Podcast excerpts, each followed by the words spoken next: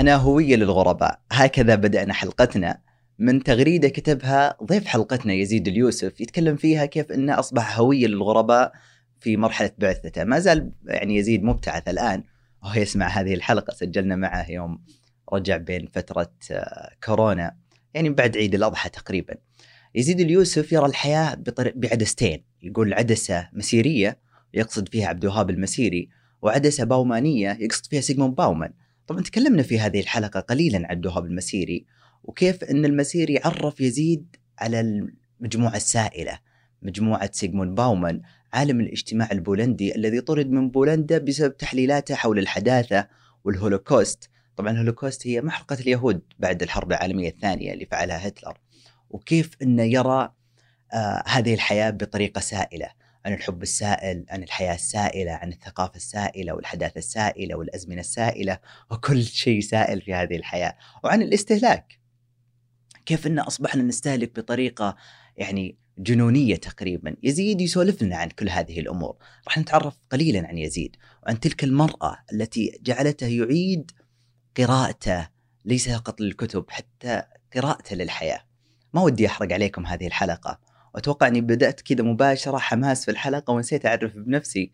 يعني أتوقع أنكم يعني تعرفون آه، محدثكم وتعرفون هذا البودكاست لكن لو كنت أول مرة تسمع البودكاست أو تشاهده فأنا محمد الشثري وهذا بودكاست جولان أحد مبادرات نادي كتابي بالتعاون مع شبكة مايكس البودكاست. أما الآن لتبدأ جولتنا.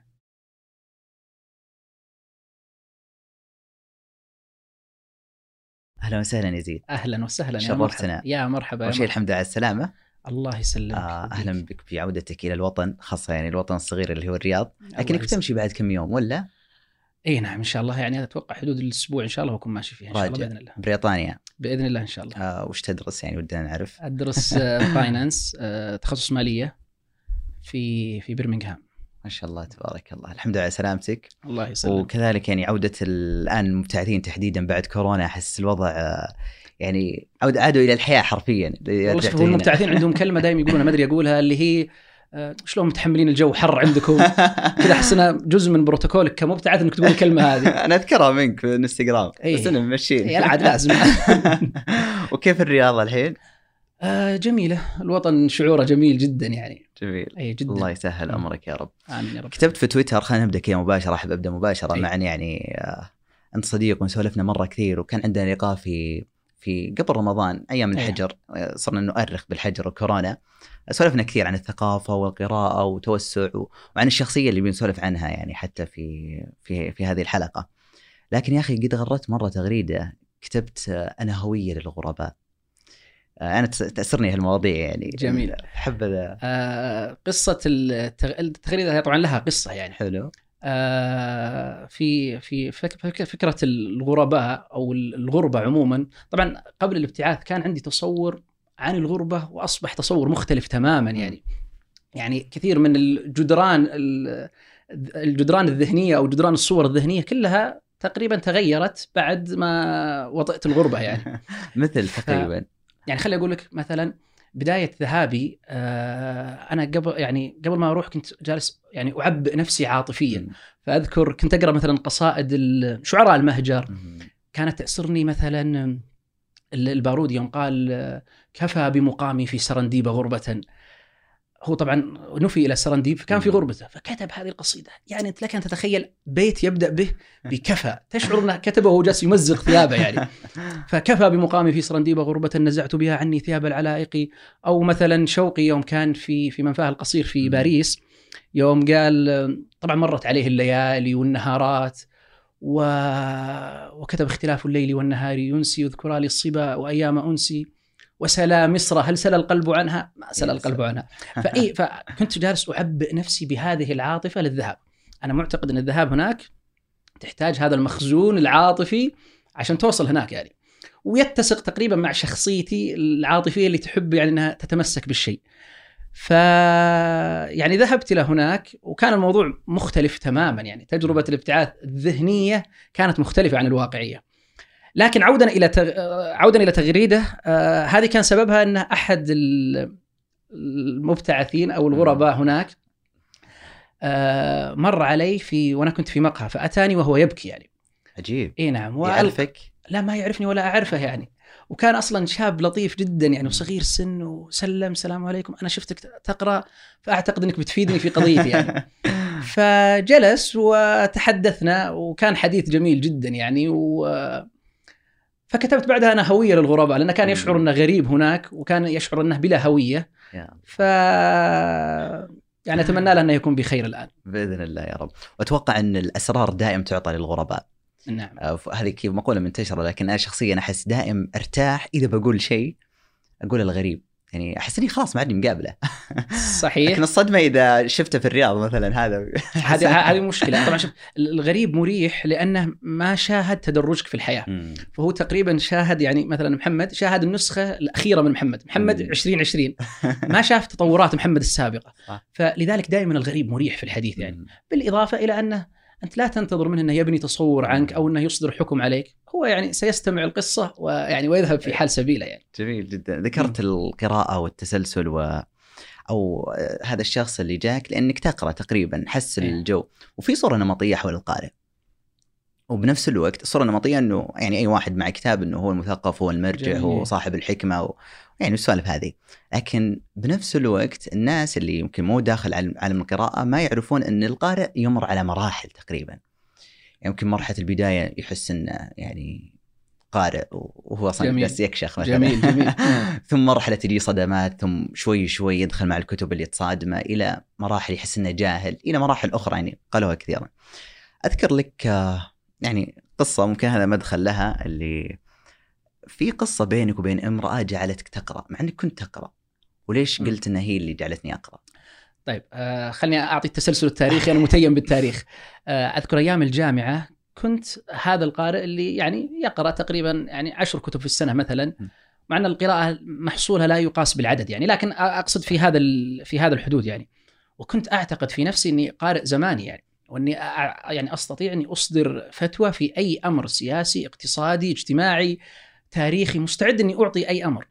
فكنت في زيارة لأحد معارض الكتب الخارجية.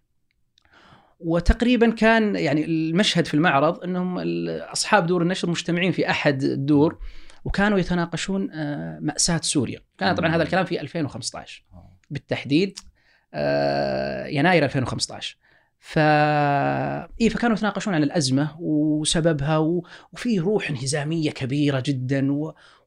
وفيه يعني ما يعني الجميع يبحث عن حل لا أحد يشاهده يعني. فأذكر أني دخلت بهذه الروح الشاب اللي ما زال طالب في الجامعة ويعني متحمس جدا وأنا أملك الحلول. فأول ما جلست آه، سمعت الحديث فقلت لهم إن سبب مأساة سوريا أننا يعني ابتعدنا عن الكتاب والسنة.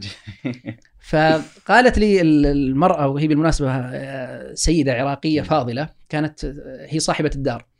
قالت لي يعني على أساس الروسيين مثلا يصلون الوتر أنا صراحة هذه الإجابة ما حضرت لها ابدا يعني ما حضرت لهذا النوع من الإجابة. مم. فمباشره غرور ال- الغرور المثقف اللي في داخل كل إنسان إنه يبدأ يهاجم يعني. قلت لها لا يا أخي اتقي الله ما يصلح تقولين كذا. قالت لا جاوب على السؤال. أنا حقيقه ما كنت أملك الإجابة.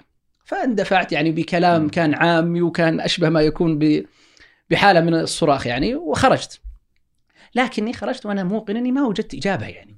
موقن أنني يعني قد أكون يعني. انتصرت صوتيا لكني انهزمت من الداخل يعني. فكنت أفكر في الموقف هذا طوال اليوم. قررت اليوم اللي بعده كانت طبعا رحلتي ذلك اليوم يعني الليل. لكني قررت أني أمددها إلى اليوم اللي بعد الصباح. وذهبت إليها يعني. كل هذا التمديد بسبب أني أذهب إليها. فذهبت إليها وقلت شوفي ان دار بيننا النقاش البارح و... وأعترف لك أني ما وجدت إجابة. لكني اعدك بأني سأحصل الإجابة. فطلبت منها إنها تحضر لمعرض الرياض كان في مارش. يعني كان تقريبا أمامي ثلاث شهور. قلت أنا في الثلاث شهور هذه أنا أعدك إني سأحصل على الإجابة. واللي حصل فعليا إن الثلاث شهور هذه أنا ما أنساها من عمري يعني. شهر واحد وشهر اثنين وشهر ثلاثة في عام 2015 آه يعني أدمنت القراءة بشكل مهول جدا يعني. قراءة الشخص الباحث عن إجابة أنا أبحث عن إجابة. ما أقرأ لأجل المتعة أو أقرأ لتوسيع المدارك. لا لا أنا في سؤال الآن يلح على ذهني يجب أن أجد له إجابة. أنا أتمحور حول هذا السؤال. إذا ما وجدت هذه هذا إجابة هذا السؤال فقيمي وقناعاتي التي مؤمن فيها هي باطلة. فوصلنا وأعتقد أني وصلت إلى نوع من الإجابة. يعني في في مارش 2015 المفاجأة أني أول ما أصدرت دور النشر اللي بتشارك في المعرض ما كانت دارها من الدور آه. المشاركة. كانت خيبة أمل كبيرة جدا لي يعني لكني قلت في نفسي إن أنا أخذت كان الموعد بعد ثلاثة شهور الآن صار بعد 12 شهر. فبروح لها في نفس المعرض بعد سنة وفعلا هذا اللي حصل بعد 12 شهر آه، كنت انتهيت من الدراسة توجهت إلى مديري في العمل قلت آه، أنا عندي تصفية حسابات يجب أن أنهيها يعني فقال كيف؟ قلت والله أنا لازم أزور أحد معارض الكتب في إنسان ينتظر مني إجابة في ذلك الوقت. طبعا 12 شهر أنت ما تتخيل أني أصحو وأنام وأنا أفكر في سؤالها. عجيب إيه، وكان يدور في ذهني إنها تفكر فيني يعني تنتظر يزيد يأتي يح- يحضر هذه الإجابة. فذهبت فعلا وأول ما دخلت وجدتها أنا يعني ابتسمت جدا. يعني وطبعا محضر معي أوراق الإجابة السؤال ليس سؤال سهلا سؤال يحت... يعني أيقنت إن هذا السؤال يحتاج إنك تستحضر معك التاريخ وتستحضر معك علم الاجتماع وعلم الاقتصاد أشياء كثيرة تستحضرها يعني فأول ما وصلت يعني السلام عليكم قالت لي وعليكم السلام ترى الدور الكتب الجديدة تراها هناك على الرف. أنا انصدمت إنها ما عرفتني. فقلت شكلها ما ناظرتني كويس. فرحت من الجهه الثانية سلمت مرة ثانية. قالت لي يا ابني أنا قايلت لك طبعا هي سيده كبيرة في السن. قالت أنا حطيت لك الكتب هناك.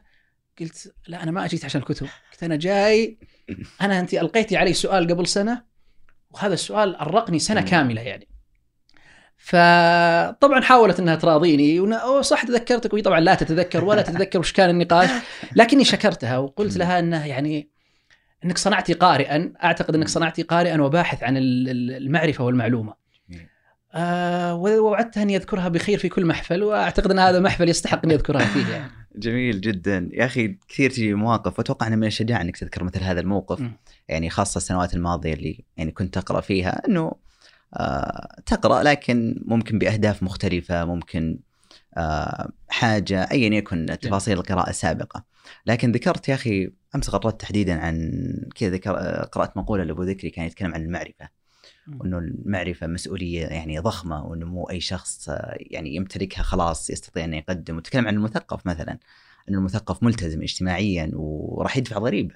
راح يواجه أفكار ضد المجتمع ومجتمع غالبا ما يبي التغيير. آه، فمتى وجدت نفسك في هذا ال- يعني آه، أنا أرى هذا الجانب إنك في هذا التصنيف إيه. آه، اللي هي وقف يا المجتمع أو ايا يكن ترى هذه الفكرة خاطئة وأنا مستعد إني أناهض عنها طيب آه، أتذكر هنا مقولة آه، ما يحضرني صاحبها لكنه كان يقول بأن المعرفة منفى وفعلا المعرفة منفى لأن الجميع أو ال- المنفى ماذا يقصد به؟ أنك تكون بعيد عن مجتمعك. المجتمع في الغالب وهنا نقصد عموم الناس يعني عموم البشر هم معرفتهم واحدة. فأنت إذا تفوقت عليهم غالبا أنك في منفى عنهم لأنك تتحدث عن شيء هم ما يفهمونه. وأذكر آه، علي عزت آه، بيكوفيتش له له يعني صورة بديعة جدا.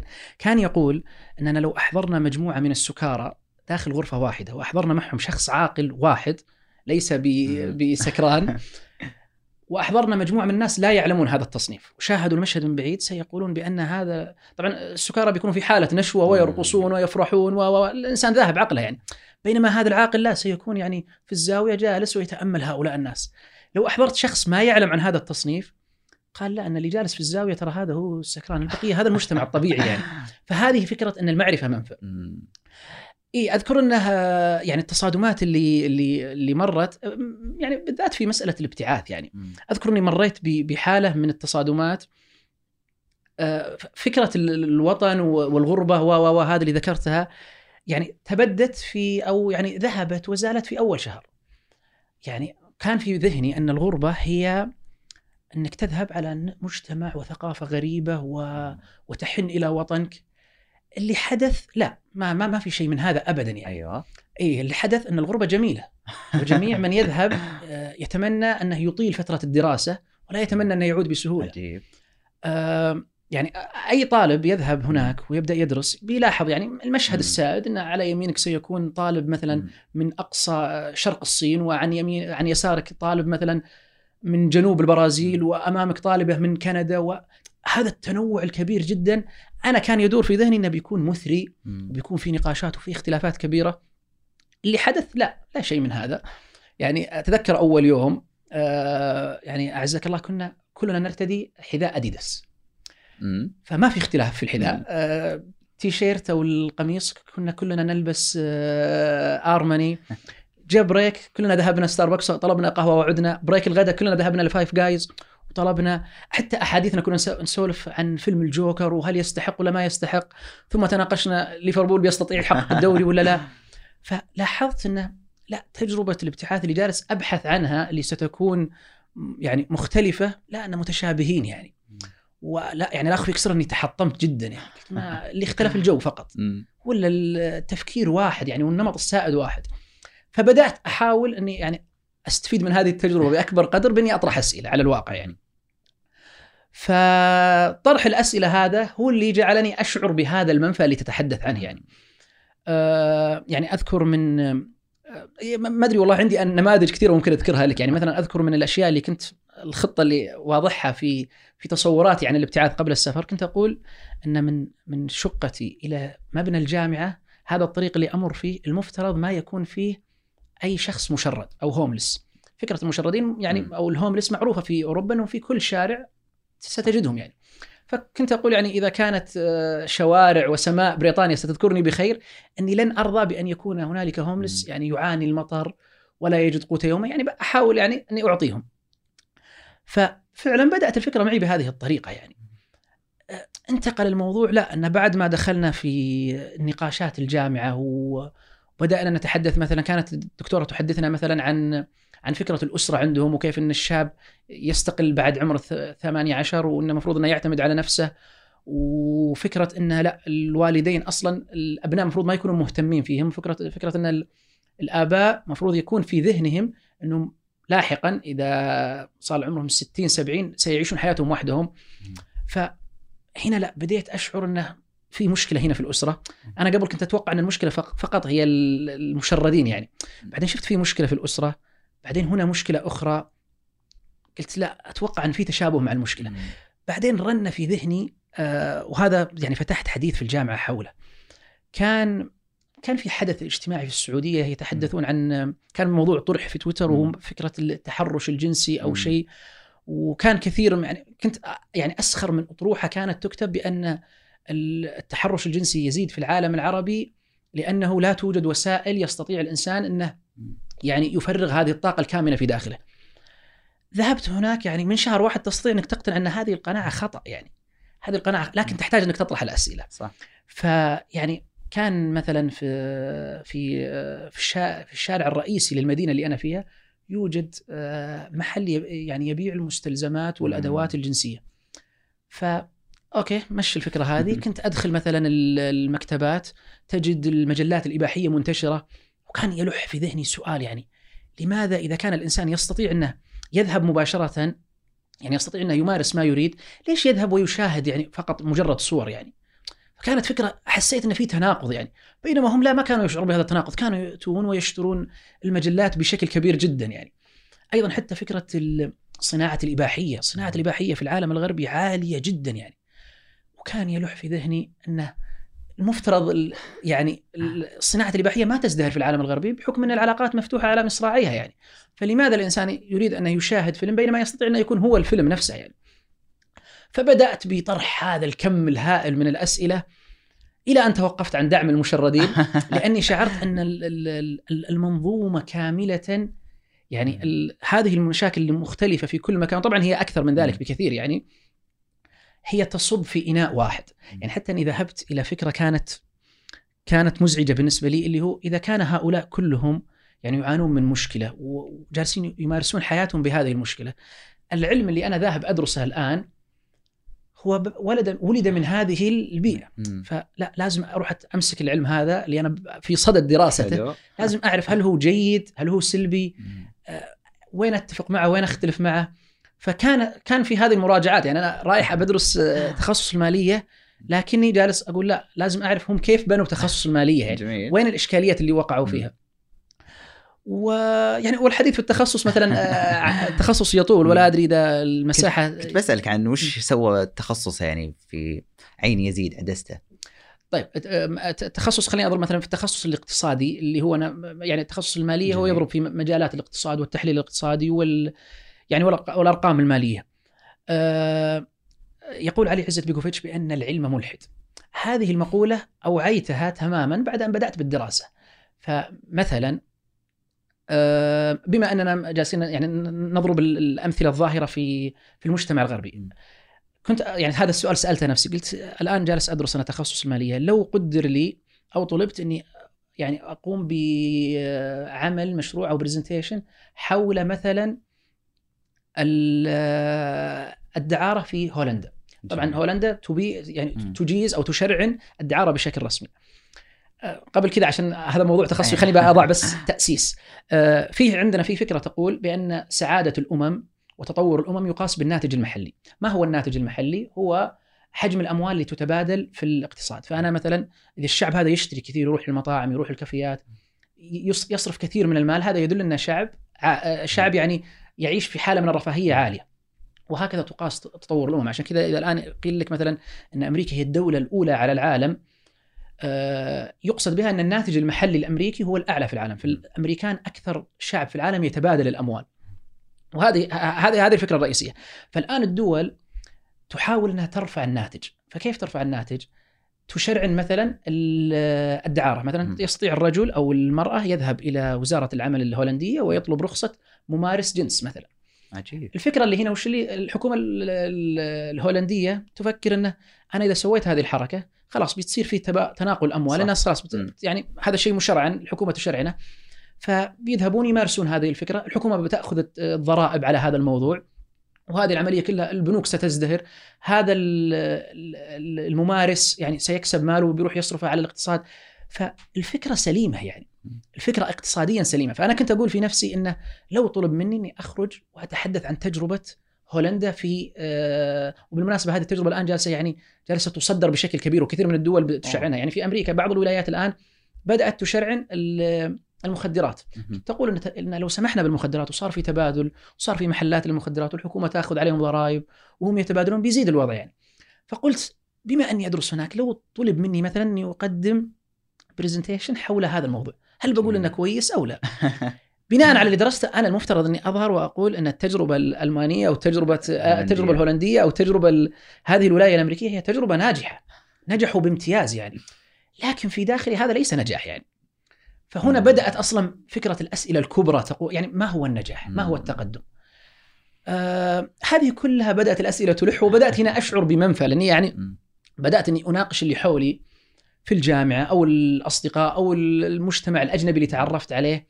فهنا بدأ الإنسان يشعر بأن هذه المعرفة جالسة يعني تجعله يكون في منفى بعيد عن الناس. يعني الناس صارت ما تريد أنها تسمع هذا الطرح. خلينا نمشي وخلينا نعيش برفاهية. هذا تعريف الرفاهية الآن. وخلنا نسير يعني. فهذه هي منفى القارئ يعني. وهذا الشيء السائل تقريبا واللي بنسولف عنه بعد شيء. لكن ذكرت في أحد اللقاءات. يا أخي وأنت تتكلم جاء في بالي عبد الوهاب المسيري.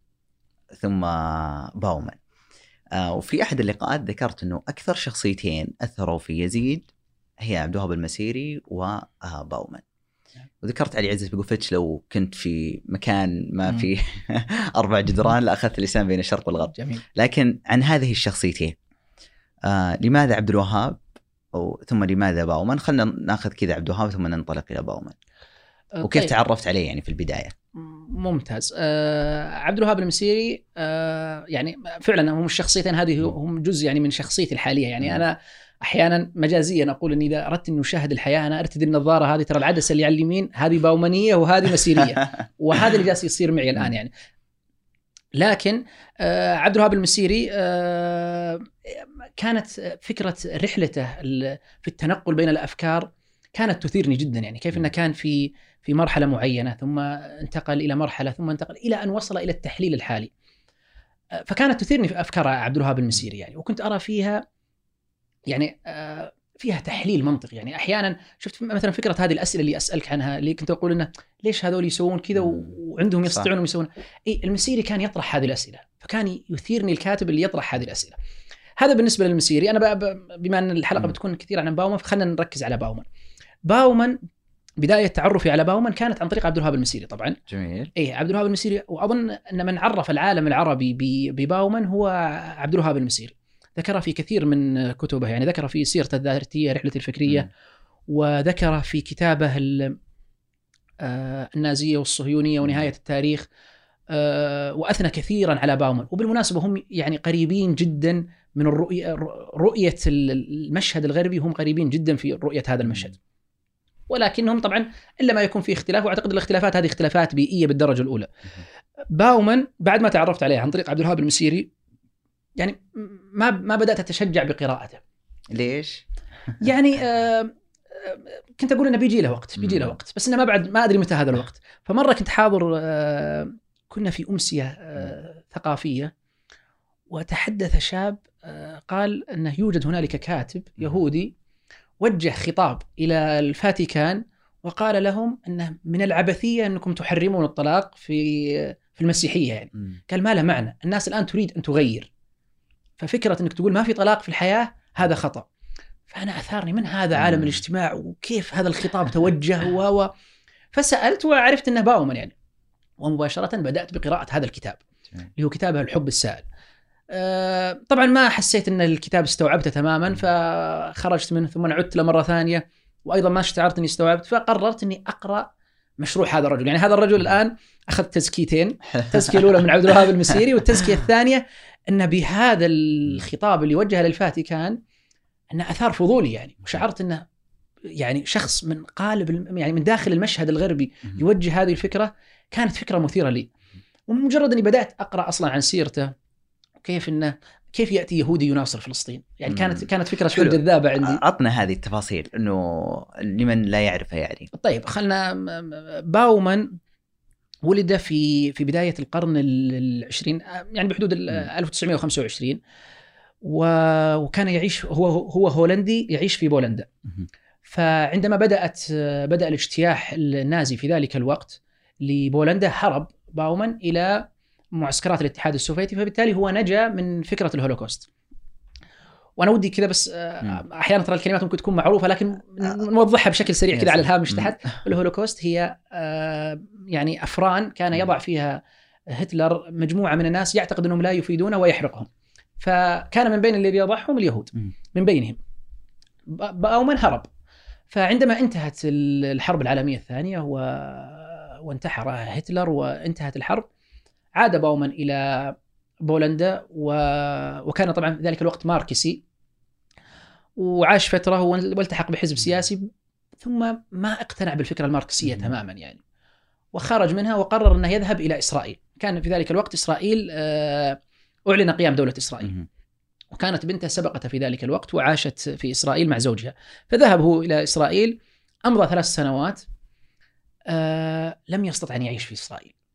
وله كلام يعني آه يعني كتاباته التي كتبها في إسرائيل تشعر أنه يكتب بنفس آه يعني فلسطيني حر يعني. ما استطاع أنه ما استطاع أنه يكمل ثلاث سنين في إسرائيل مع أنه وفر له البيت ووفر له يعني هو كان دكتور في الجامعة يعني وكان يدرس في جامعات إسرائيل.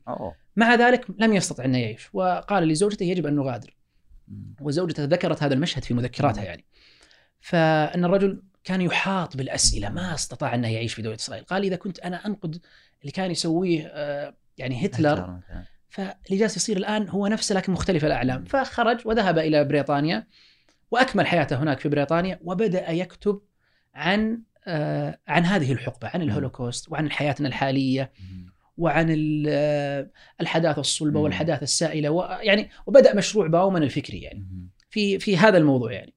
جميل. وش موقفه يعني حول قضية فلسطين؟ إلى إلى يعني نهاية حياته هو كان آه نعم باومن ذهب إلى إلى بريطانيا وانضم إلى مجموعة من الجماعات التي تؤيد فلسطين. يعني انضم لمجموعة يهود مع مع دولة فلسطين وانضم إلى مجموعة لا للاحتلال و يعني يعني كان له نشاط مح... يعني نشاط يعني مشع جدا في في في القضية الفلسطينية يعني. ويبقى ذروة نشاط. زيغموند باومن هو عندما أصدر كتابه الحداثة والهولوكوست. باومن يقول يعني هذا الكتاب هو يعري السردية التاريخية الإسرائيلية اللي هي تقوم على فكرة ان أن هتلر كان يحرق اليهود. لأنه يكره اليهود فبالتالي اليهود خرجوا الآن ووجدوا لهم موطن وعاشوا في هذا الموطن. باومان يقول لا المشهد ليس بهذه الطريقة. المشهد مختلف تماما يعني. ويقول بأن ما قام به هتلر كان سيقوم به اي إنسان آخر. لكنه اللي قام به هتلر فقط. فطبعا هو إنه يقدم هذه الفكرة. هو جالس الآن يصادم المد الحضاري الأوروبي صح. اللي جالس يقول ان الآن جالسين يعني نبني الإنسان. يعني هم مهم إن نعرف فكرة الحداثة الحداثة طبعا ما وصل إلى ما في أحد يتفق على تعريفها لكن ممكن نقول إن الحداثة في في عق- في العقلية الغربية هي إن نخرج الإنسان من الحياة البربرية إلى إلى حياة ال- السعادة. والرفاهية وما إلى ذلك. فهذه هي فكرة الحداثة. باومان يقول إن هذه الفكرة هي من جلبت الهولوكوست. أوه. فبالتالي آه، المفترض إنكم ما تنقدون على هتلر هذه الفكرة. طبعا. الهولوكوست هتلر أراد انه يبني اقتصاد بريطانيا وأراد أن طبعا خرج في ندائه الشهير وقال أن مجتمع الألف عام سيخرج وسنبني آه، ألمانيا الحديثة. وقال أن في سبيل ذلك يجب أن نقوم بإجراءات لازم نحيي اقتصادنا. طبعا هو كان يعتمد على الأرقام. شفت ما أقول لك العلم؟ اي كان يعتمد على الأرقام تماما يعني. وكانت الأرقام اللي تصدر له انه في ناس يعني هؤلاء يعيقون حركة الاقتصاد فمثلا كانوا يقولون له مثلا كبار السن هؤلاء يعيقون حركة الاقتصاد هو ما يقدر يشتغل ولكنه عبء على الاقتصاد لازم. نصرف عليه ولا في مخرج يخرجه فبالتالي يجب أن نحرقهم ثم قال للمعاقين ثم. آه، أخذ الغجر وأخذ اليهود أخذ كل هؤلاء وكان يقول بأن هؤلاء يعني آه، آه، الحكومة السويدية قبل قبل هتلر. الحكومة السويدية في عام 1929 كان لها حديث حول هذه الفكرة وكانوا كانوا يسمون هؤلاء ما سموهم هولوكوست هولوكوست إيه. اسمها محرقة إيه. لكن كانوا يقولون بأن هذه الفئة التي يجب أن تكون في أقل عدد ممكن كانوا أوه. يسمونهم بهذه الطريقة هذه الفئة اللي آه اللي ما تدعم الاقتصاد مم. قالوا لا يجب أنهم يكونون بأقل عدد ممكن هتلر قال خلاص أنا بخليهم بأقل عدد ممكن فسأضع هذه الأفران وسأحرقهم وسأنتهي فهنا باومان بدأ يتكلم قال إنه اللي قام به هتلر هو جالس يطبق العلم وهذه السياسة مم. اللي جالسة تمر بالسر يعني سردية العلم وسرديه التطور كله هتلر يعني قام بها. يعني حتى إنه كان باومان كان يقول إنه لو ما قام هتلر بهذه الفكرة كانت ستقوم بها بريطانيا مثلا. بريطانيا كانت مختبراتها في ذلك الوقت تدرس فكرة آه، آه، تحسين تحسين الخلق والكفاءة الجينية. كانوا يقولون إن في ناس عندهم الكفاءة الجينية أقل فهؤلاء لازم نتخلص منهم لازم ما يعيشون. لكنها كانت في الأوراق اللي أحدثها هتلر أنه أخذها وطبقها. أمريكا في بداية القرن العشرين في أحد الولايات طبقوا هذه الفكرة. فكرة أن يجب أن نحسن الخلق ويجب أن. يعني ال- مثلا ال- يعني الم- مس- مساجين مثلا المجرمين هؤلاء المفترض ان ما يكون لهم سلالة. فيجب أن إذا كان لهم سلالة. نتخلص منهم. ال- اللي يعانون من أشك... أمراض عصبية أمراض عقلية. حتى انهم كانوا يحاربون المثلية بشكل كبير جدا. مم. هؤلاء لازم نتخلص منهم. فلي سواها آه، باومان إنه أتى وحلل المشهد الفكري كاملا. وقال أن الأطروحات اللي تقول إن هتلر أتى وانحرف عن مسار الحضارة اللي هي الآن حضارة جالسة تبنى أي. تبنى هتلر أتى وانحرف. قال لا هتلر يعني جالس يطبقها بحذافيرها يعني. هذا كله كان يتكلم عنه باومان فيما كان يسميه الحداثة يسمونها الحداثة. انتقلنا لاحقا بعد الحرب العالمية إلى مرحلة جديدة. يقول باومان إن الهولوكوست يحدث الآن ولكن بطريقة مختلفة. كيف؟ هو هنا بدأ يعني بدأ يكتب مجموعته السائلة. مم. يقول بأن إذا كنا نقول ال- يعني ان نحتاج ال- هذا ال- الإنسان الجسد المادي هو اللي سيبني الاقتصاد. فيجب أن يعني نعممها على كل جوانب الحياة. فمثلا تكلم آه، باومان في يعني مثلا كيان الأسرة. كيان الأسرة هذا كيان يزعج ال- العقل الغربي يعني. لأن فكرة الأسرة تقوم على على علاقات حميمية. وهذه العلاقات الحميمية لا تباع وتشترى. صح. جميل. هي تعطى آه، شعوريا يعني. أنت. إذا حبيت إنسان تحبه شعوريا يعني. فهم يقولون لا هنا صار في مشكلة. ما, ما, نبي الشعوريا نبي يعني ننزل دائما على شيء يكون فيه مقايضة في أخذ وعطاء فيه جانب مادي في الحياة. فبدأ لحظتها تسليع الإنسان فهو يقول باومان إن إذا قلنا مثلا آه، إذا أتينا بامرأة مثلا ووضعناها على على إعلان ل- لمنتج مثلا امرأة شبه عاريه وتعلن مثلا عن عصير مثلا هو يقول بأن هذه المرأة مم. تطبق الهولوكوست كيف؟ أيوه لأنها تم توظيفها هنا بناء على جسدها. هذا الجسد اللي بمعايير معينة. تخدم الصورة النمطية للجمال في الوقت الحالي. هل سيستمر الجسد عليها هكذا؟ أم مع مع مرور السنين سيترهل جسدها. سيترهل. بعدها ستخرج من المشهد. ولا ستصبح عالة على الاقتصاد. فهو يقول إذا كنا نفكر بالإنسان فقط بجسده فنحن نطبق ما يقوم به هتلر يعني.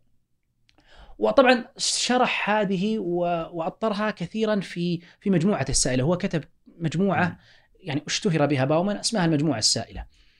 تكلم فيها عن الحياة السائلة والحب السائل والخوف السائل والأزمنة السائلة والشر السائل. كلها كان يعني يشرح هذه النظرية ويعني ويسهب في شرحها. بسألك عن إيه. أسلم. لا لا. لا لا تفضل. بعدها. آه ممكن ترفع المايك شوي؟ ممكن. مثلا أحس احتياط يعني. يلا. آه كنت بسألك آه، كنت بسألك عن معنى السائل لكن قبلها وش أحدث له هذا الكتاب؟ الحداثة والهولوكوست. كونه جالس يصادم العالم الغربي كامل هل كان في يعني آه إيذاء صريح أو أو عداوة؟ هو خروج. باومان من من إسرائيل في ذلك الوقت لسبب مم. أن معاداته لإسرائيل كان كان دائما ذلك اليهودي المنبوذ يعني.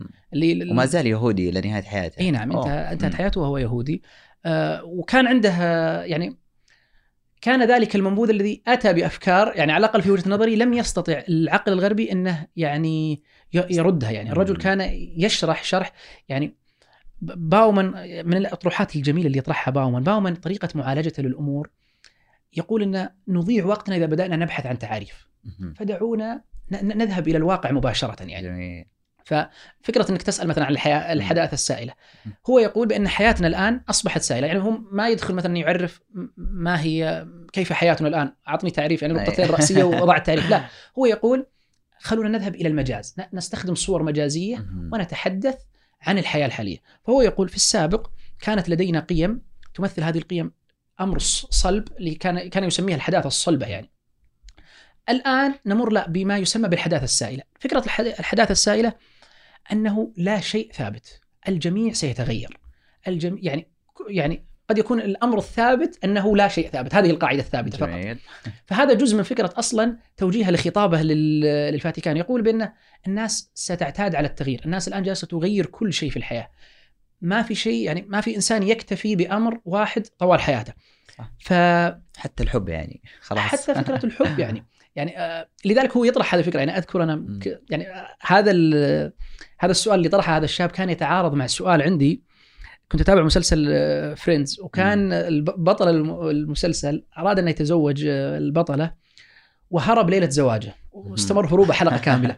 ال- الهروب ليش؟ لأن أتاه صديقة وقال له تراك الآن عمرك 30 وتتزوج هذه وإذا قلنا إنك ستموت وعمرك 80 ترى 50 سنة. أنت 50 سنة لن ترى كل صباح إلا هذه المرأة.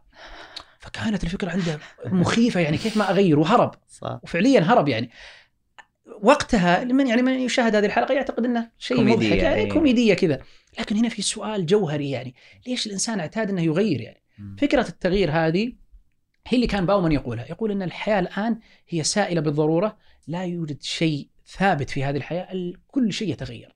يعني كل شيء بمعنى كل شيء. يعني أنا. أتكلم لك عن تبدأ من مستلزماتك. الشخصية إلى إلى أصدقائك تغيير دائم في حالة الأصدقاء في في مسألة العمل يعني يعني آه، أنا الآن صح مثلا العمل فعلا. إي أنا مثلا امضيت الآن سنة ورجعت. كل ما التقيت مع أحد الأصدقاء دائما السؤال ترى بشك غيرت عملي يعني. فحتى فكرة العمل الآن أصلا في حركة دؤوبة يعني لتغيير العمل فكل شيء يتغير يعني. باومان يقول إن هذا التغيير اللي نعتقد إنه على الأشياء الظاهرية يقول لا إنه يضرب عندنا الأشياء ال- القيمية مثلا كالأخلاق. فهو كتب كتابه الأخلاق السائلة. أو آه، كتاب الأخلاق في زمن ال- في- زمن الحداثه السائله حسب تسمية آه، ال- البازعي. فنعم هو مشروع آه، باومان يدور حول هذا التغيير يعني وحول هذا الاستهلاك. جميل جدا. طيب يمكن يتراود كذا سؤال بعد ما عرفنا باومان بهذه العدسة. كيف ممكن نقرأ مش مشروع باومان؟ هل في تسلسل معين؟ هل هل نقرأ سيرته في البداية ثم نبدأ في ترتيب الكتب أو أو اعطنا تجربتك طيب. الشخصيه طيب، خ- اعطنا تجربتك الشخصية ثم خلينا ندخل خليني أعطيك. تجربتي الشخصية. ناخذ اخطائها حتى كان حتى أنا حتى يعني لا يقع أحد فيها خطأ. إيه. أنا مثل ما ذكرت لك إني أنا اللي أثارني فكرة كتابه الحب السائل. وفعلا ذهبت إلى كتاب الحب السائل وبدأت أقرأ ولا يعني ما شعرت إني استوعبت الكتاب تماما. فتوقفت في المنتصف. قلت لا يبدو لي إن وضعي ما كان ما كنت مهيئ إني أقرأ الكتاب. فابتعدت. وعدت له بعد فترة عدة شهور وبدأت أقرأ نفس الفكرة ما ما تغيرت كثيرا. فلاحقا لا بدأت أقرأ. قلت إني ببدا بمشروع المشروع الباومني. وكتب باومان كثيرة يعني تتجاوز 60 كتاب. لكن أعتقد انه ال- الصورة الذهنية اللي يستطيع الإنسان يعني آه، يفهم فيها مشروع باومان أو أو الخطة أو التسلسل اللي يستطيع يفهم فيه الإنسان مشروع باومان يجب أن يبدأ بالهولوكوست بالحداثة والهولوكوست. آه. وهو يعتبر يعني من الكتب القديمة كتبها في عام 89 يعني. أنت إذا فهمت فكرة الهولوكوست بتستطيع إنك تفهم أول شيء نظرة الحياة عموما يعني تستطيع إنك تفهم أصلا لماذا هذا الرجل خرج من إسرائيل وترك المال والعز في إسرائيل. بعدها ممكن تبدأ بفكرة الحداثة السائلة. الحداثة السائلة هو بدأ يعني يعرف يعني بدأ يتكلم عن حياتنا كيف أصبحت سائلة وما هي السيولة و... وكان آه، مثل ما ذكرت لك يستخدم المجاز جدا. فأذكر من الأشياء يعني بما أن كلنا نتكلم عن أن كل شيء أصبح سائلا كان هو يستخدم يعني المجاز في شرح هذه الفكرة. فكان يقول حياتنا في السابق كان يسميها آه، كنا حراس الصيد. آه، يقصد بحراس الصيد كان الإنسان يقف على أبواب البستان وهو يحرس هذا البستان والإنسان في داخله أن الله سبحانه وتعالى خلق هذا البستان آه، بأقدار واضحة ويستطيع كل إنسان أنه يعيش داخل هذا البستان. جميل. يستطيع كل إنسان أنه يعيش دون أن يتدخل هذا الإنسان. يقول لكي تفهم الحداثة السائلة اعلم أن هذا الإنسان الذي كان يحرس أصبح صاحب البستان أو أصبح رجل البستان. طبعا آه، آه، ذكرتها لك تحت الهواء أن من الأشياء اللي أنا أعتقد أنها كانت خطأ طبعا كتب آه، باومان معظمها ترجم بترجمة آه، الدكتور ح- حجاج آه، أبو جبر. والدكتور حجاج استخدم كلمة آه، جاردنر ال- البستاني اسمها البستنة كان يقول أهل البستنة مهم. فأنا كنت أعتقد أنها كلمة شاقة في الفهم يعني حتى أني كنت ما ما مشت معي الكلمة بشكل كويس إلى أن فهمت أن معناها هو الإنسان البستان. وش التغيير اللي صار؟ أصبح الإنسان هذا يدخل هذا البستان ويشاهد النباتات والحشائش اللي موجودة فيقرر أنه ينبت هذه الصفات ويخرج آه، ينبت هذه النباتات ويخرج هذه النباتات. هذا هو الإنسان الحديث، أصبح يدخل إلى الحياة ويبدأ يغير في داخلها يعني. طبعا باومان يقول إن هذا التغيير مر برحلة و... وهو يعرج كثيرا على الجانب الفلسفي إن له أثر كبير في ظهور الحياة السائلة. وبالتحديد فكرة آه، نيتشه عندما صدر فكرة موت الإله. وباومان يسميها يسميها فكرة الواحد الأوحد. كما يس... هي الفكرة المقابلة عند ال... عند المسيري اللي يسميها ال... آه، الإنسان كامل الوجود أو ال... آه، الإنسان المسيطر على الطبيعة. هو هذه الفكرة يقول باومان أن آه، الحداثة أتت كانوا عندهم فكرة أنهم يرتقون بهذا الإنسان فقالوا يجب أن نزيل كل ال- الأشياء اللي يؤمن فيها الإنسان ومقدسات لديه. فهذه الأشياء المقدسات من أين أتت؟ أتت غالبا من الكتاب المقدس من الله سبحانه وتعالى، من عادات وتقاليد، فهم قالوا يجب أن ندمر كل هذه الأشياء. إذا دمرنا كل هذه الأشياء نستطيع أن نأتي بالحداثة. فاللي يقوله باومان إن هذه الفكرة هي يعني هي من بنت الحداثة السائلة، إن تم تدمير كامل الماضي آه، جعلت الإنسان خلاص إذا ما عندك هذا التسلسل التاريخي خلاص أنت تعيش شعور اللحظة، شعور اللحظة هو شعور متغير بالضرورة يعني. فخلاص أنت ما تتبع آه، يعني ما راح تستقر في أمر معين. وأنا بطلع شوي. خليني بطلع بعود إلى فكرة ال... بعود إلى فكرة الابتعاث ال- فكرة المجتمع اللي كنت أقول لك إنه ما في غربة بينه. باومان يستخدم هوية جديدة، يقول هنالك هوية جديدة اسمها الهوية الهجين. جميل هذه الهويه الهجين عندما تعتنقها لا تشعر أنك غريب. ما هي الهوية الهجين؟ هي فكرة الاستهلاك العام. يقول أنت تجرد من من هويتك التاريخية التي يعني ولدت فيها في المدينة في في بلدك في أرضك يقول تخ... يعني تخلص من التاريخ هذا كله وعيش اللحظة. عيش اللحظة أسماه هو الهوية الهجين. فهو يقول إن يستطيع الناس كلهم يأتون و... ويقتنون يعني يستهلكون نفس الاستهلاك وبالتالي كونوا هوية لديهم هي هي هوية اسمها الهوية الهجين. جميل إي ف طبعا فكرة إنك أصلا إذا انفصلت أنت أصلا عن التاريخ غالبا إنك آه، يعني تدخل في في دوامة يعني مميزات الهوية إن لها تسلسل واضح جميل. الهوية الهجين ما في هذا التسلسل التاريخي جميل. فأنت ستسعى. لذلك باومان يستخدم فكرة الماراثون كثيرا. يقول بأن الحياة الآن أصبحت مثل الماراثون. الناس في داخل هذا الماراثون يركضون كلهم. المشكلة يقول باومان ان لأنها هوية ما لها تسلسل تاريخي فلا يوجد خط نهاية. فنحن نركض. متى سننتهي؟ ما ما حد يعلم. كلنا نركض يعني. صح. يعني حتى فكرة مثلا يعني لا يوجد إنسان يستطيع انه يشتري شيء ويقول انه خلاص أنا اكتفيت بهذا الشيء. يعني آه، فكرة السعي هذه ولدت مثلا فكرة ال- الفردانيه. فكرة الفردانيه هذه هي الفكرة التي بنيت في في المجتمع الغربي الآن بكثرة. وولدت لديهم هذا الإنسان المشرد وولدت لديهم هذه الأسرة المفككة. فكرة ال- ال- الفردانيه إن المفترض الإنسان يعني يتفرد بذاته وهذا التفرد سيجعلك يعني تكون متفردا. هي الفكرة السليمه إنك أنت إذا أتيت بشيء مختلف عن اللي حولك ستكون منفرد. لكن ماذا لو كان اللي حولك كلهم يفكرون نفس الطريقة؟ نفسه. كلهم يريدون أنهم يعني يستقلون. فمثلا آه، أعلنت مثلا آه، أعلن اليوم بما الحين دخلنا سبتمبر آه، لو مثلا شركة أبل مثلا أعلنت عن الآيفون الجديد. أول ما صدر الآيفون أنا سأذهب لاقتنيه حتى أكون متفردا عن من حولي. صح. لكن أنا ما أضمن إن صديقي محمد الفكرة هذه في باله فهو بيذهب يشتري. فأنا رحت واشتريت واتى محمد يعني صرت متفرد يمكن لمدة أسبوع لين آه، يأتي محمد ويشتري وبعدين يأتي خالد ويشتري بعدين يجي ناصر بعدين فأصبحوا كلنا نفس الفكرة تذهب بقيمته صح؟ الفكرة إنك الآن ما اكتفينا أنا. خلاص ذهبت قيمة الفردانيه. فأنا أحتاج أتفرد بشيء آخر آه. ساذهب إلى الآيفون. الجديد أو مثلا سامسونج بعد أربع. شهور بتعلن شيء جديد فبروح لهذا فهذه فكرة فكرة إنه لا يوجد آه، خط نهايه نستطيع إن نقيس به يعني مدى تطور الإنسان لذلك باومان يعرج كثيرا على فكرة التطور. يقول ما يصلحنا يعني يعني لا يصح إن يكون التطور كذا عمومي. ما هو التطور؟ لا أحد يعلم. يعني حتى إنه بدأ يعود إلى التاريخ وكان بدأ يقرأ الأدب بشكل كبير. فمثلا هنالك حكمة آه، لاتينية. اللي هي آه، لكي تتجنب الحرب فاستعد لها. هذه الفكرة يقول باومان إنها فكرة سائلة.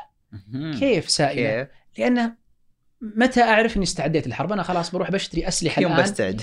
كل يوم أنا في دائرة استعداد. وهذا يعني لو تقيس هذه الفكرة اللاتينية القديمة قسها على الواقع الحالي.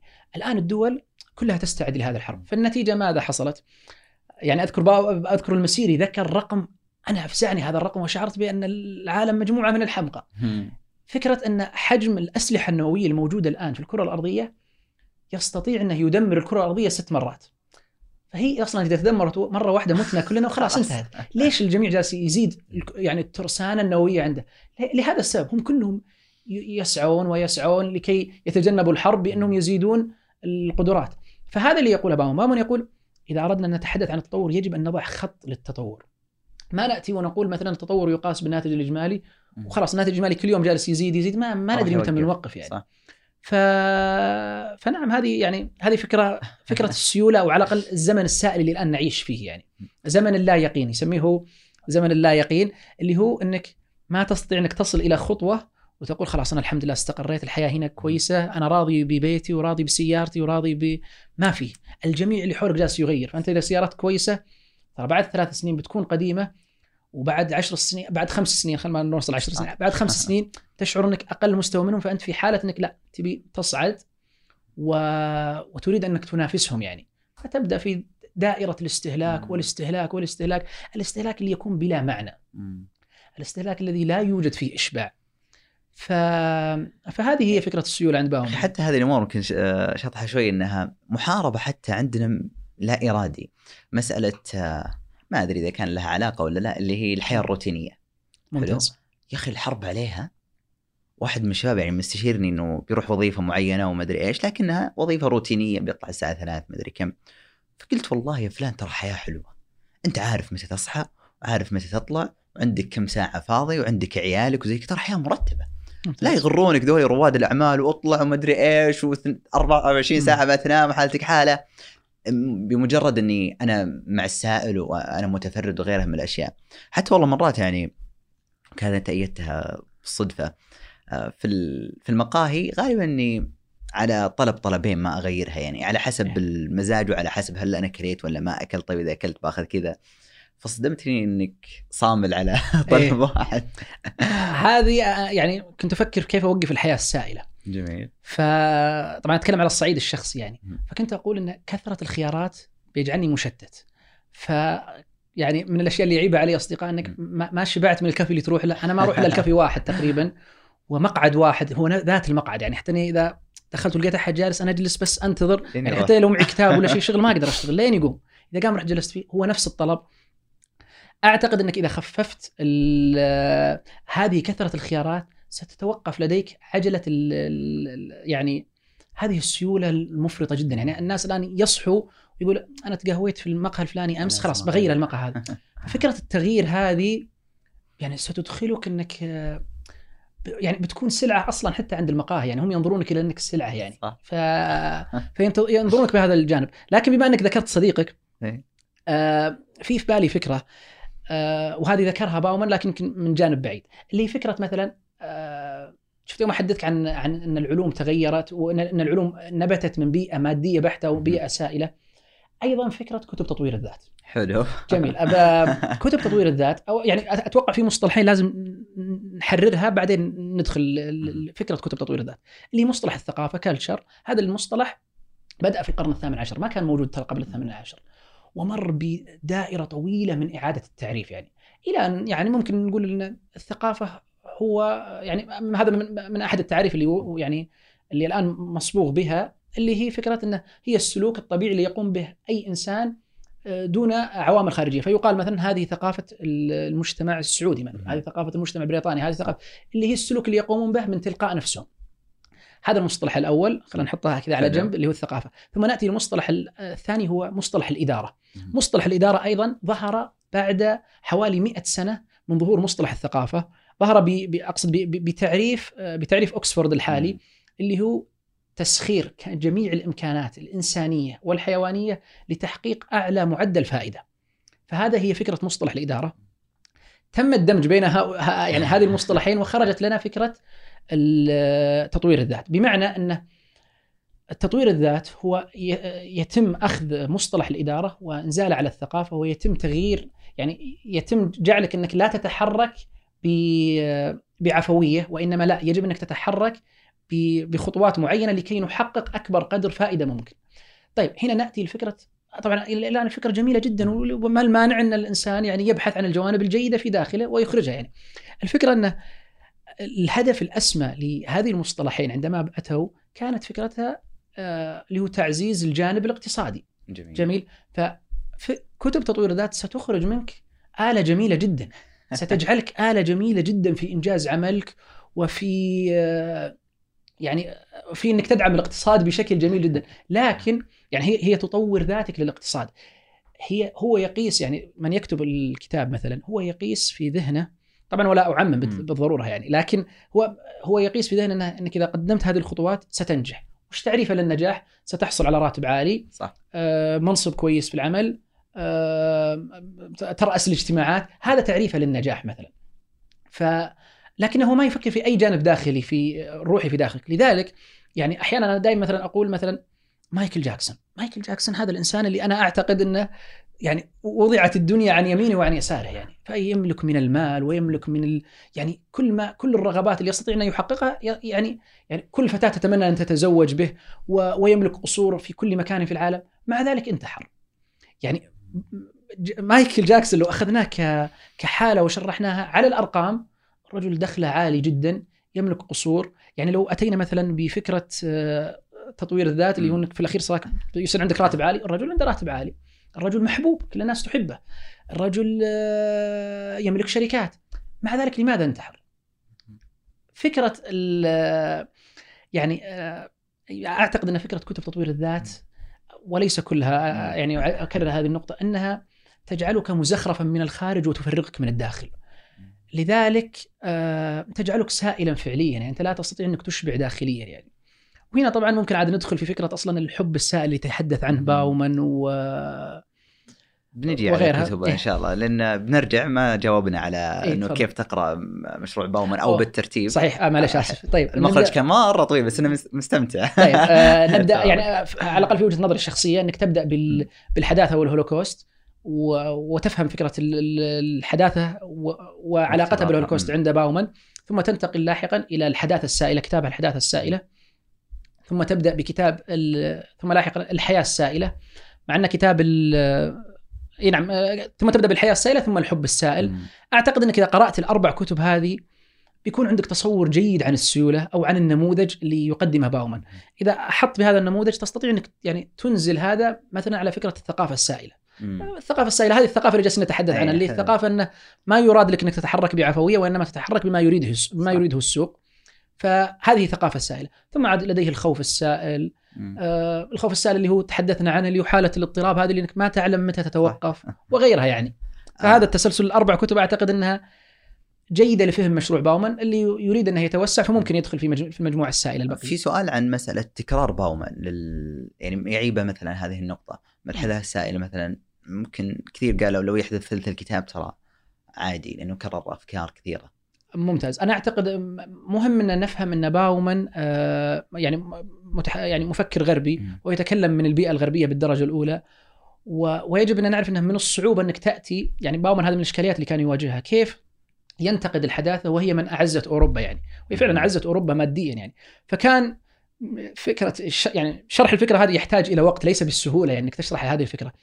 وأتفق معهم يعني ما هو تماما لكنه بالذات الكتب التأسيسية غالبا يطرأ عليها الطول والشرح الممل يعني. بينما يعني كتاب الحداثة السائلة كان في حوالي 300 و400 صفحة. بينما لو تأتي لكتبه اللاحقة مثل آه، مثل آه، الثقافة السائلة حوالي 100 صفحة فقط. جميل. اي فهي قصيرة. الكتب التأسيسية دائما يطرأ عليها هذا الطول. نعم. أما بخصوص انها ال- المجموعة السائلة إنها طويلة وبعضها ممكن يختصر نعم أتفق. لذلك أنا قلت انه من يقرأ هذه الأربع كتب وإن أراد أن يزيد عليها ممكن يزيد كتاب الأخلاق السائلة. آه، أو الأخلاق في زمن ال- الحداثه الحداثة السائلة. السائلة. مم. أتوقع ممكن أعلق على مسألة ال إيه. مو بالحشو التكرار شوي. أتوقع أصحاب المشاريع لاحظتها أني أقرأ لكل شخص عنده مشروع معين أو مشروع واضح. لابد أنه يعيد أفكار معينة. يعني غالبا تجد أول كتابين أو الكتب الام له هي اللي أعطت كل الأفكار ممكن ما فصل فيها. تجي الكتب اللي بعدها يعني زي ما تقول يزيد الطرح حولها والتفصيل. واتوقع يعني باومان تميز أنه مو بس يعني علم وتحليل وغيرها من الأشياء إنه كان صاحب تجربة. نعم. حتى تجربة ال- الترحال الغربة الاضطهاد المنفى يعني تنقل من هنا إلى هنا و... ونبذ أو هو خرج ونبذ في تياره الديني وحتى الاجتماعي. فأتوقع كل هذا الأمر شكل آه، شخصية باومان وأنه يطرح هذه الأفكار بهذا التماسك. أنا بس بضيف نقطة قبل. ما نتعداها. أيضا من الأشياء المميزة في باومان أن المجموعة السائلة كتبها كلها في آخر 15 سنة من حياته جميل. فالرجل يعني آه، انصهر فكره طبعا مات هو في التسعين من عمره أو 92 من. عمره فأنت تتكلم إنه كان يتكلم عن عن زمن الفيسبوك. مثلا في كتابه ال ال آه جميل اي كان يتكلم مثلا عن الشر السائل وكان يتكلم عن هذه الأشياء وهو في الثمانين من عمره. فهذه المجموعة كلها خرجت بعد رحلة طويلة عكس بعض المؤلفين مثلا اللي يكون مثلا كتب كتاب مثلا في الثلاثينات والأربعينات والخمسينات والستينات ويبدون الناس يقارنون هذا هو كتبها في آخر حياته وفعلا في مسألة الكتب التأسيسية يعني لو أخذنا مثلا الحداثة والهولوكوست كتبها في 89 آه، الكتاب الذي آه، يليه في في السلسلة أو مم. الترتيب اللي وضعته أنا هو كتاب الحداثة السائلة بينهم أكثر من 11 سنة. فهي فترة طويلة جدا يعني. انصهرت فيها كثير من الأفكار وتوضحت فيها كثير من الأفكار يعني يا أخي هذا هذا الموضوع مؤرق مسألة. الزمن والعمر خاف تقول شيء وبعد بعد إيه. أسبوعين تنقض هذه المساله يعني نقدر نقول إن باومان مات على هذه الأفكار لأنه في. كتابه مع الله ومع الإنسان يعني لم يدرك لم يدرك الأجل أو لم. يدركه العمر لكي يكمله كاملا آه. فكتبه بالاشتراك مع مع مؤلف آخر. وتوفى يعني وكان الكتاب تقريبا هو نفس الفكرة يعني هو خلاص وصل إلى آخر حياته وكان مؤمن بهذه الأفكار آه عاش في فترة في كوخ وانعزل عن الناس وكان يعتقد إنه باومان من الأشياء المهمة في باومان ما أدري يمكن يصير هذا السؤال الموجود عندك لاحقا اللي هو فكرة إنه كثير من الناس يسأل ما هي الحلول اللي طرحها باومان جميل. باومان لم يطرح حلولا جميل. و- ويعتبرون هذا يعني هي سلاح ذو حدين. بعض الناس يقول انه دورك إنك تشرح لا تقدم حلول. أنت إذا قدمت حلول س... يعني ستجعلنا في إطار حلك ما حلك قد يكون مو بصحيح يعني. لكن م. تشريحك إنك تش- تشرح الواقع هذا بيكون يعني خدمة كبيرة تقدمها لل... للبشرية وهذا اللي قدمه باومان لكني أظن يعني أظن والعلم عند الله إن باومان لم يكن يملك حلا وكان متشائما. يعني النفس الكتاب اللي كان يكتب فيه باومان نفس يعني خليني أقول لك إنه في جزء من فقدان الأمل يعني. فأذكر في كتابه الأخلاق السائلة أتى باقتباس آه، يعني ما يحضرني الاقتباس بالضبط لكنه كان يقول إنه ممكن تكون أفضل خدمة نقدمها هي أننا نرفع فقط من من وعينا الأخلاقي. ولا يعني اشبه ما يقول. بين اي بان الناس خلاص يعني فكرة إصلاح العجلة هي فقدت. وهذا طبعا آه، يعني آه، يعني لا لا يجدر بالمسلم إنه يفكر بهذه الطريقة لأن عندنا أصلا يوجد لدينا النموذج البديل. أنا أتفهم م. باومن إنه ما يستطيع إنه م. يشاهد النموذج البديل. لكن عندنا نستطيع إن يعني نشاهد نموذج بديل يعني. هل وجدت تشابه بينك وبين شخصية باومن؟ أصبحت بعد قراءته أشبه. أتوقع يعني أتوقع إني أصبحت أشبه يعني. وصارت يعني لأنه هو يمسك مواقف أحيانا بسيطة. يعني مثلا مثلا فكرة العبارة اللي ذكرتها لك يعني اللي هو آه، إذا أردت أن تتوقف عن الحرب فاستعد لها هذه فكرة ترى جميلة ممكن بعضهم ترى يكتبها على مكاتبة إيه، يعني صح لكني صرت ميال كثير للتحليل يعني. صرت ميال كثير للتحليل و... وقد تكون يعني أحيانا لا ما أرقتك هذه النقطة؟ لا والله أرقتني كثيرا يعني أرقتني ضريبة. كثيراً. فأذكر أني يوم قرأت كتاب ال- الحب السائل وكان في عنوان هامشي اللي اسمه هشاشة العلاقات الإنسانية. مم. وكان يقول بأن العلاقات الإنسانية الآن هشة ولا تدوم. فأنت قد يعني مثلا خلينا نتكلم عن علاقة الحب. يعني قد قد يتعرف الإنسان يوم السبت مثلا آه، الشاب مثلا يتعرف على فتاة يوم السبت. يوم الأحد قد آه، يتبادلون طموحاتهم في المستقبل. يوم الاثنين آه، يصرح لها بأنه يحبها. يوم ال- الأربعاء ممكن يحظون بليلة عشاء آه، مع بعض. يوم الخميس خلاص انتهت العلاقة. مم. وانتهت خلاص. يعني بهذه الطريقة يعني.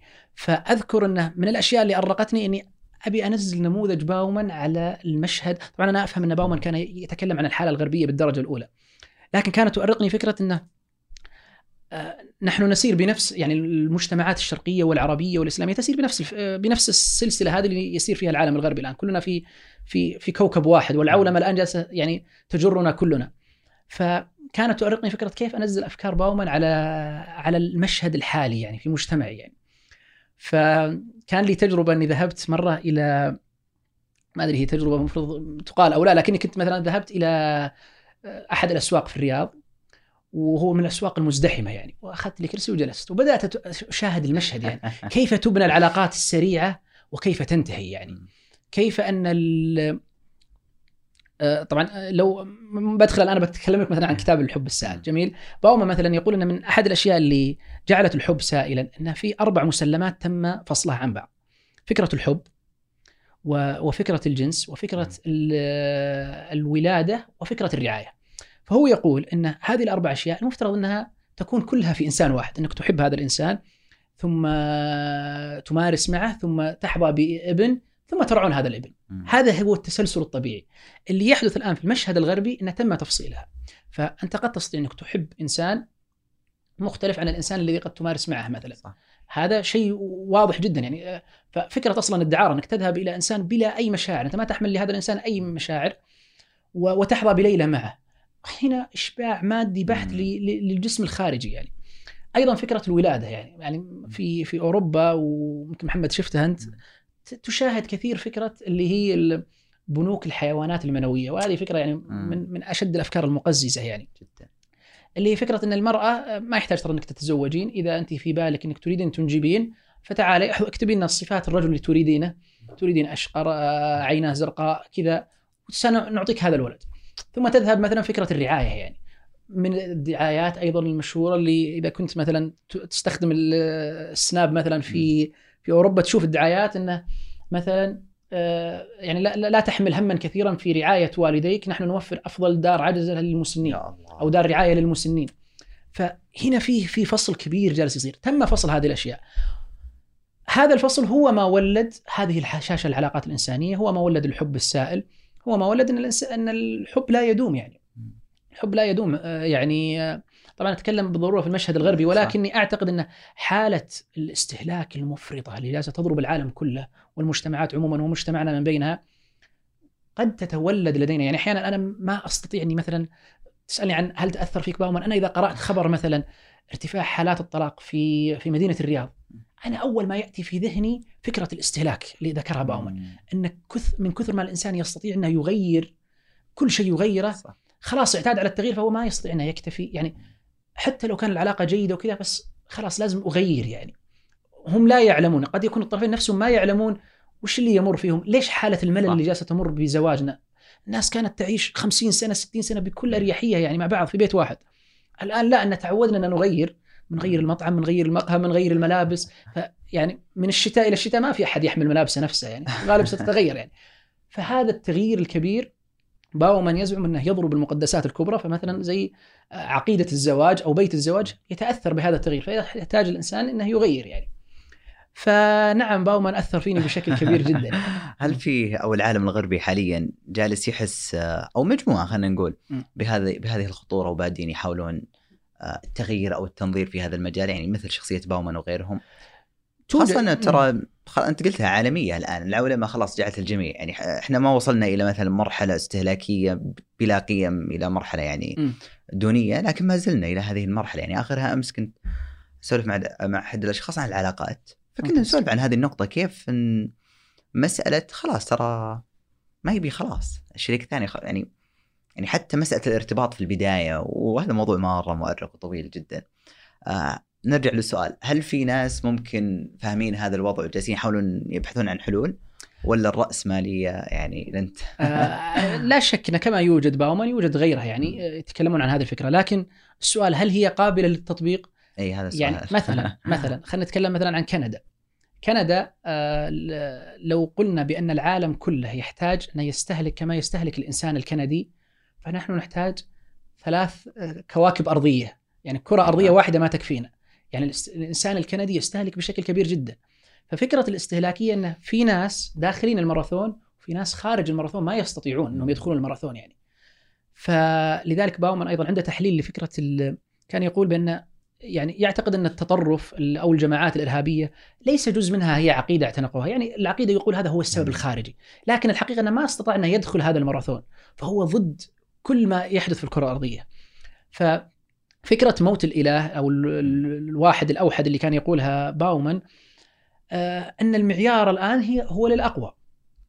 فمن سيبقى هو الأقوى. نفس فكرة الهولوكوست. نريد ان ان يكون هذا التحسين الخلقي أو التحسين الخلقي وهذا المجتمع الأصفى يعني. ف تسألني هل كندا بينزلون معدل استهلاكهم لكي يستطيع العالم؟ لا يستطيع العالم كله انه يعيش بنفس مستوى الاستهلاك الحالي. يجب أن يضحي مجموعة من العالم. وهذا سبب مما ذكرت لك إنه مثلا قضية الهوملس لن تنتهي، قضية المشردين لن تنتهي ابدا. أول شيء الإنسان ما دام يسير يعني أضرب مثال. كانوا من الأشياء اللي يقولونها كنا نتكلم على فكرة إنك لو وجدت شخص هذا من الأشياء اللي يعلمونها الجامعة في أول أسبوع يعني. إنك لو وجدت شخص مثلا ملقى على الأرض لا تساعده. لأنك ما تدري يمكن إنه يكون مثلا معه مثلا معه مخدرات معه شيء ما تدري كيف. يقول ابتعد عنه. أنا شعرت إنها فكرة ليش أبتعد عنها يعني فما الفكرة ما ما ما مشت معي كويس يعني لكني مشيتها فيمكن في أول شهر أو أول شهرين تحدثنا كان في مشروع يدور في بريطانيا فكرة إنه يجب أن الناس يفرضون ضرائب أو الأغنياء يدفعون ضرائب لكي آه، يسمح للفقراء إنهم يدرسون. فاكتشفت إن لا والله يعني المدرسة نفسها اللي كانت تشرح لنا تقول يعني رأيي الشخصي إن المفروض لا لا يحدث هذا. ليش؟ كانت تقول أنا ما عندي أبناء. فتقول أنا المالي المفروض إنه يكون لي أنا الحالي. فهذه الفكرة الفردانيه إن الإنسان يعني المجتمع الآن أصبح مجموعة أفراد ليس مجتمع واحد ليس كالبنيان الواحد إذا تتداعى له سائر الجسد. اختلفت هذه الفكرة. أصبحوا مجموعة أفراد وكل فرد يفكر في ذاته. هذه الفكرة ستولد لدينا مجموعة كثيرة من المشردين. لن تنتهي قضية المشردين. لن تنتهي طبعا الفردانيه هي سبب رئيسي في فكرة التفكك الأسري يعني. فإذا كان الأب يعني أحيانا أنا يعني تأسرني يعني أو تثيرني وتخيفني فكرة كيف الأب يربي ابن وهو يعلم أنه إذا كبر ترى هذا الابن بي يعني بيتجاهلني يعني. فليش أنا أجلس أعطيه أموالي إلين يوصل عمره 18 يعني؟ بعدين أتركه. وهذا الابن يعني يدور في ذهنه ترى هذا اللي جالس يعطيني اموال إذا وصل عمري 18 أنا ترى بتركه والله يعني والله يستر عليه ويكمل حياته يعني. فأنت شايف كيف الفكرة الفردانيه جالسة تضرب في كل مكان وجالسة تجعل تجعل الإنسان في أرق يعني. يعني يعني مهما كنت أملك من المال وتزوجت وجاء عندي أبناء أنا لا تعتقد أن الأبناء يعني كثير من الناس يقول إني أتزوج ويحصل لي أبناء وأستقر في حياتي. هم عندهم ما في هذا الاستقرار يعني. ليش ما في هذا الاستقرار؟ لأنك أنت بتصرف على نفسك إلى أن تدخل قبرك. أنت المسؤول عن نفسك. يعني ابنك هذا اللي جالس تربي فيه وترفعه لن يعني لن يبادر لا تطلب من شيء لا تطلب من إيه. شيء لن يبادر بأنه يرعاك إذا كنت مثلا عمرك 80 أو 90 لا تستطيع الحراك يعني. وتخيفني فكرة أحيانا يعني أنزل المعايير اللي وضعها باومان كيف العالم الغربي وصل لهذه الفكرة؟ جيت أنزلها على الواقع مجتمعاتنا العربية والإسلامية. أشعر أن ماشي في نفس الطريق وتخيفني هذه الفكرة. والله أني أحيانا أقول آه الله يريد بنا خير يعني. ما يعني إذا ما توقفنا وأدركنا حجم العجلة هذه جالسه يعني هي كرة ثلج. جالسه تنزل وتكبر وتكبر. يجب أن يعني نتوقف يعني. يجب ان يجب أن يكون هنالك نموذج بديل يعني لحياة الناس يعني. جميل جدا. يا نعم. أخي آه، ودي تكمل ما شاء الله تبارك الله. آه، أذكر آه، وانت تطرح كل هذه الأفكار ما شاء الله بهذا التسلسل. جاء في بالي فكرة أو ممكن تساؤل يطرحون الناس اللي مسألة آه، هل كتب باومن صعبة القراءة؟ يعني. تستاهل كم مرة اقراها عشان أستوعبها؟ آه هذا الحين سؤالين. هل هي صعبة القراءة وهل. تستاهل أكثر من مرة؟ خليني ببدا السؤال. الثاني. أتوقع أنها يعني تستاهل. تستاهل القراءة. مم. يعني الحقيقة السائلة قراته أربع مرات وهو أكثر كتاب ما قراته شاء الله. و... وكل مرة أقرأه إني أحاول إني أبي أكون باوما في في السعودية أو أحاول أنزل المشهد هنا يعني. فتستحق القراءة. أما فكرة هل الجميع يستطيع انه يقرأها؟ أعتقد إنه يحتاج الإنسان إلى أساس فكري قبل أن يبدأ قراءه باومن ما يعني بي- بيشعر بمعاناة في إنه يبدأ بقراءة باومن مباشرة. يعني إنك تبدأ ب برجل أول كتابه يبدأ يعطيك مثلا مشهد من فيلم ثم يعطيك مسرحية ألمانية ثم بيت شعر آه، فرنسي ثم يبدأ يعني يلملم شتات هذه كلها ويصبها في في علم الاجتماع اللي هو تخصصه. آه، تحتاج إلى أساس فكري قبل أن تبدأ بقراءة باومن يعني. جميل جدا الحديث معك لا يمل يزيد لكن لعلي أختم بسؤال كذا يراودني آه، أحب تعريف البايو إيه؟ فكتبت في الجودريد آه هو اقتباس مم. أو مقولة إن آه، من حق الكاتب إنه يستخدم خياله ليكتب ومن حق القارئ أيضا إنه يستخدم خياله ليستوعب كيف ساهم معك خيالك ليستوعب كتب باومان؟ ساهم معي خيال إني آه، كنت عكس باومان هو يدور في التشريح تشريح الحالة. أنا كان عندي خطين يسيرون مع بعض يعني. كنت أشرح المشهد وأبحث عن النموذج البديل يعني. وأنا مقتنع تماما بوجود المشهد البديل يعني. كل ما قلت لك هذه السوداوية اللي كانت في البودكاست يمكن يبي لنا بودكاست ثاني. إيه نحيي فيها الآمال يعني. أنا ما ودي تكون الآمال. كنت بسأل هل أخذت تشاؤم باومان؟ لا لا؟ لا ابدا آه، ابدا. أنا. مؤمن جدا بوجود النموذج البديل يعني. ومؤمن وأعتقد إنه ليس بالصعوبة يعني.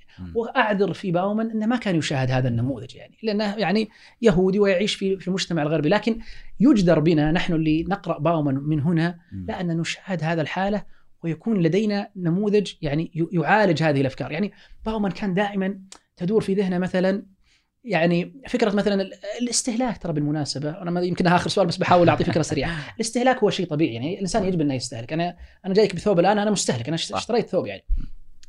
آه، تناولت أكل قبل ما أجيك يعني. هذه الفكرة باومان كان يعلم أن الاستهلاك ضرورة وفي استهلاك يعني يخرج من آه، من السيطرة فيدور في هذا الفلك وكيف يكون الاستهلاك يعني كيف نقيد الاستهلاك وكيف في النموذج الإسلامي في أشياء جميلة جدا يعني تقيد حتى فكرة العلاقات وفكرة آه، يعني دائما يثيرني يعني يجمل حياتي حديث إنما الأعمال بالنيات.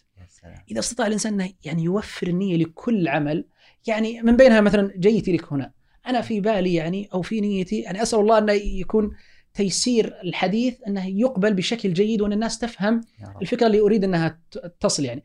مع أن اللي جالس يحدث بيني وبينك هو حديث مادي بحت ان جالسين على كمبيوتر جالسين على. أمام مايك و...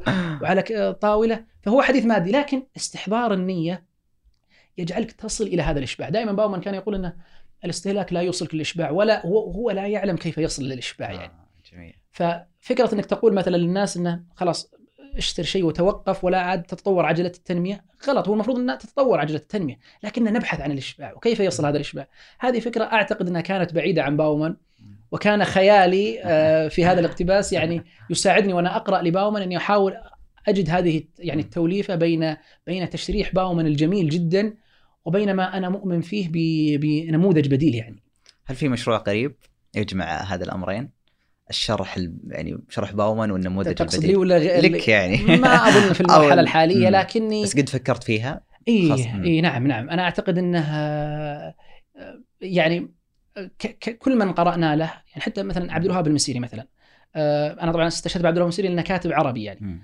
آه، كان نفس الفكرة جالس ينتقد الأطروحة ال- الغربية وكيف انعكست أنا أتمنى أنه يأتي كاتب إن شاء الله يكون يعني إن شاء الله يوما ما أكون أنا إنه يستخدم لا يستخدم أمثلة غربية وإنما يستخدم أمثلة من المشهد العربي الإسلامي. وأعتقد الأمثلة كثيرة جدا يعني. وأذكر إني مرة طرحت فكرة كنت أقول لأحد الأصدقاء يمكن لو اوباما مسلم كتب الإسلام السهل. فغضب مني كنت أقول له نعم. فكره يعني فكرة ال... فكرة- في سؤال بس ما قلته إنه حول الإسلام السهل. خلاص خلينا نسكر بدونه لا لا لا عادي كمل. هي ف- فكرة إنه آه، يعني مثلا طبعا إن ذكرنا الس- السائل تعني. الاستهلاك. الدائم. وأنه لا, لا, لا شيء صلب فجزء مثلا من الاستهلاك الدائم كنت مثلا إذا قرأت مثلا آية آه، آه، إن الصلاة تنهى عن الفحشاء والمنكر فالصلاة الآن هي فعل مادي لكن فيها فيها فيها قيد روحي إنها مفترض إنها تبعدك عن الفحشاء والمنكر هذا قيد روحي مثلا فكنت مثلا آه، يثيرني مثلا إخواني إذا دخلت مثلا وكانوا يتابعون المباراة الشباب ترى دخل وقت صلاة المغرب وطلع وقت صلاة المغرب وأذن العشاء. تابعون مباراة ليفربول. خلاص شوي بس منتابع سجل محمد صلاح جول وسجد الله أكبر كلهم انبسطوا يعني. كنت أعتقد إن هذا إسلام المظاهر. وهذا يعني آه، يجب أن نكون واعيين لهذه الفكرة يعني إن الإسلام يحمل هذا ال- البعد الروحي وال- والقيد الروحي يعني يعني يجمل الإسلام. أنه يعني الإنسان مثلا إذا قلنا هنا مثلا يريد أن يقدم على شيء لكنه بحكم القانون إنه يمنع فهو لا يقدم عليه مم. يفترض به إنه إذا ذهب إلى هناك إنه يفعل ما لذ وطاب إذا كان مسموح به هناك مم. لكنه ما يفعل هذا الشيء ليش؟ لأن لديه هذا القيد الروحي يعني مم. أو القيد آه، الذي يعني استودعك الله هذه الأمانة فأنت يعني لا تستطيع أنك تفرط فيها، فأنت لا يحكمك قانون وضعي يعني أو أمر كتابي كتبه البرلمان وسي- وسيغيره بعد مرور آه، فترة من الزمن. فنعم ربما يأتي هذا اليوم إن شاء الله. يعطيك العافية يزيد الله يعافيك آه، رب العالمين. سعدت قصرت. جدا بهذا اللقاء وهذه الاستضافة وأتمنى أنها تكون يعني فيها ما يفيد إن شاء الله. وهي كذلك وإن شاء الله ترجع بالسلامة وترجع يعني ترفع راسنا هذه السؤال إن شاء الله إن شاء الله بإذن الله الله. يقويك شكرا لك وشكرا للسامعين والمشاهدين في أمان الله